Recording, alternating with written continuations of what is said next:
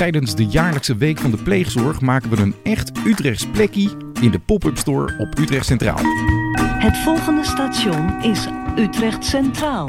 In de pop-up store kom je alles te weten over korte en langdurige pleegzorg in Utrecht. Van een weekendje in de maand tot een veilige plek in de buurt waar het kind voor langere tijd kan blijven. Utrechts Plekkie is een initiatief van Koos Utrecht en Spoor 030 en helpt Utrechtse kinderen die niet meer thuis kunnen wonen. Soms maar voor even, maar soms ook nooit meer. Om te zorgen dat deze kinderen niet ook nog hun vriendjes, hun school of de sportclub moeten missen, zetten we in Utrecht in op opvang in de buurt. Maar daarvoor hebben we veel Utrechtse plekjes nodig. We zoeken nog verschillende plekjes. Voor een weekend, voor een paar maanden of voor een langere periode.